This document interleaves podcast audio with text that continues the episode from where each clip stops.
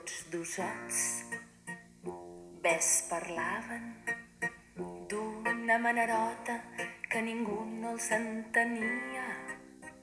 Posem per cas, per dir-se bon dia! Deien bonjour els molt poques soltes. El bon vespre del fax i el bon dir de Maese Virgili. Quan el sentia dir bonjour, es pensaven que en comptes de dir bon dia, deien bona nit. El programa de TV3 Preguntes Freqüents, àlies Fax, ha fitxat el catedràtic d'Institut Josep Maria Virgili Ortiga, ara jubilat de la docència i compatriota de Riudoms, ciutat del camp que comparteix una part de l'origen familiar d'Antoni Gaudí.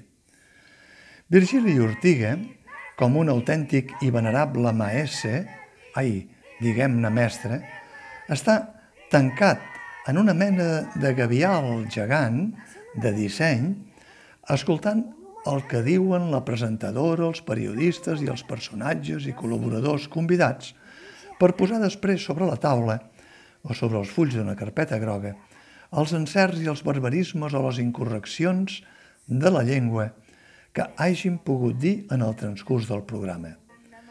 Jugar amb la llengua en aquest país és perillós.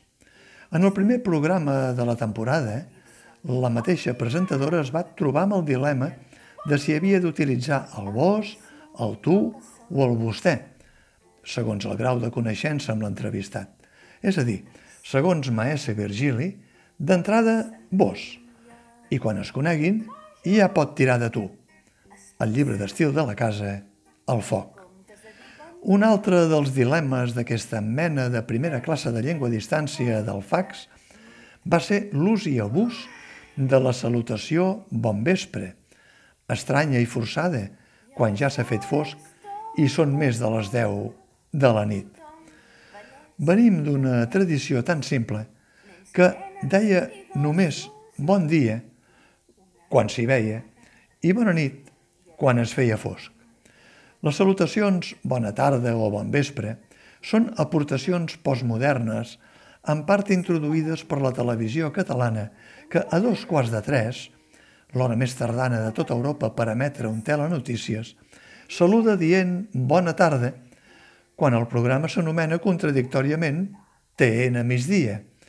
I a l'hora de sopar, de sopar tard, és clar, saluda dient bona nit, quan Contradictòriament, el programa s'anomena TN Vespre.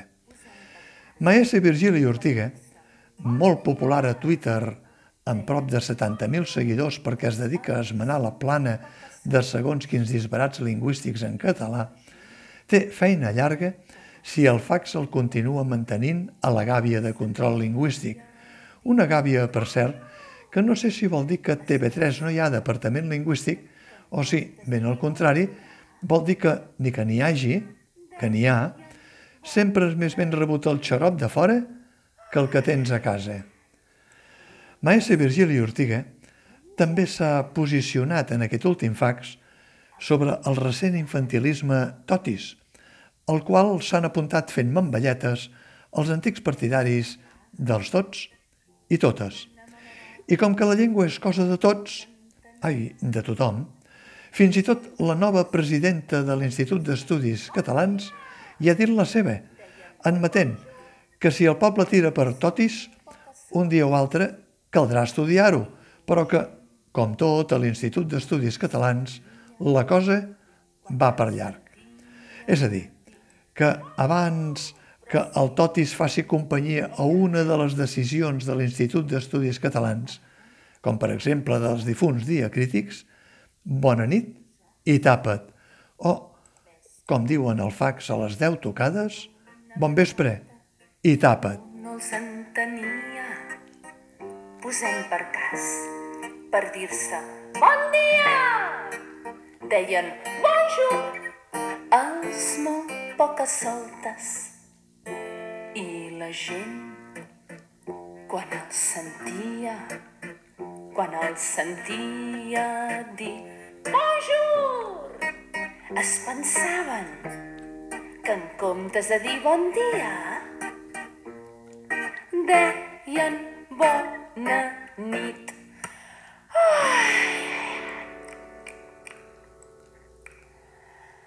I aleshores tot el tothom, ballets i balletes, nens i nenes i gossos i tot, cridaven fort els gegants.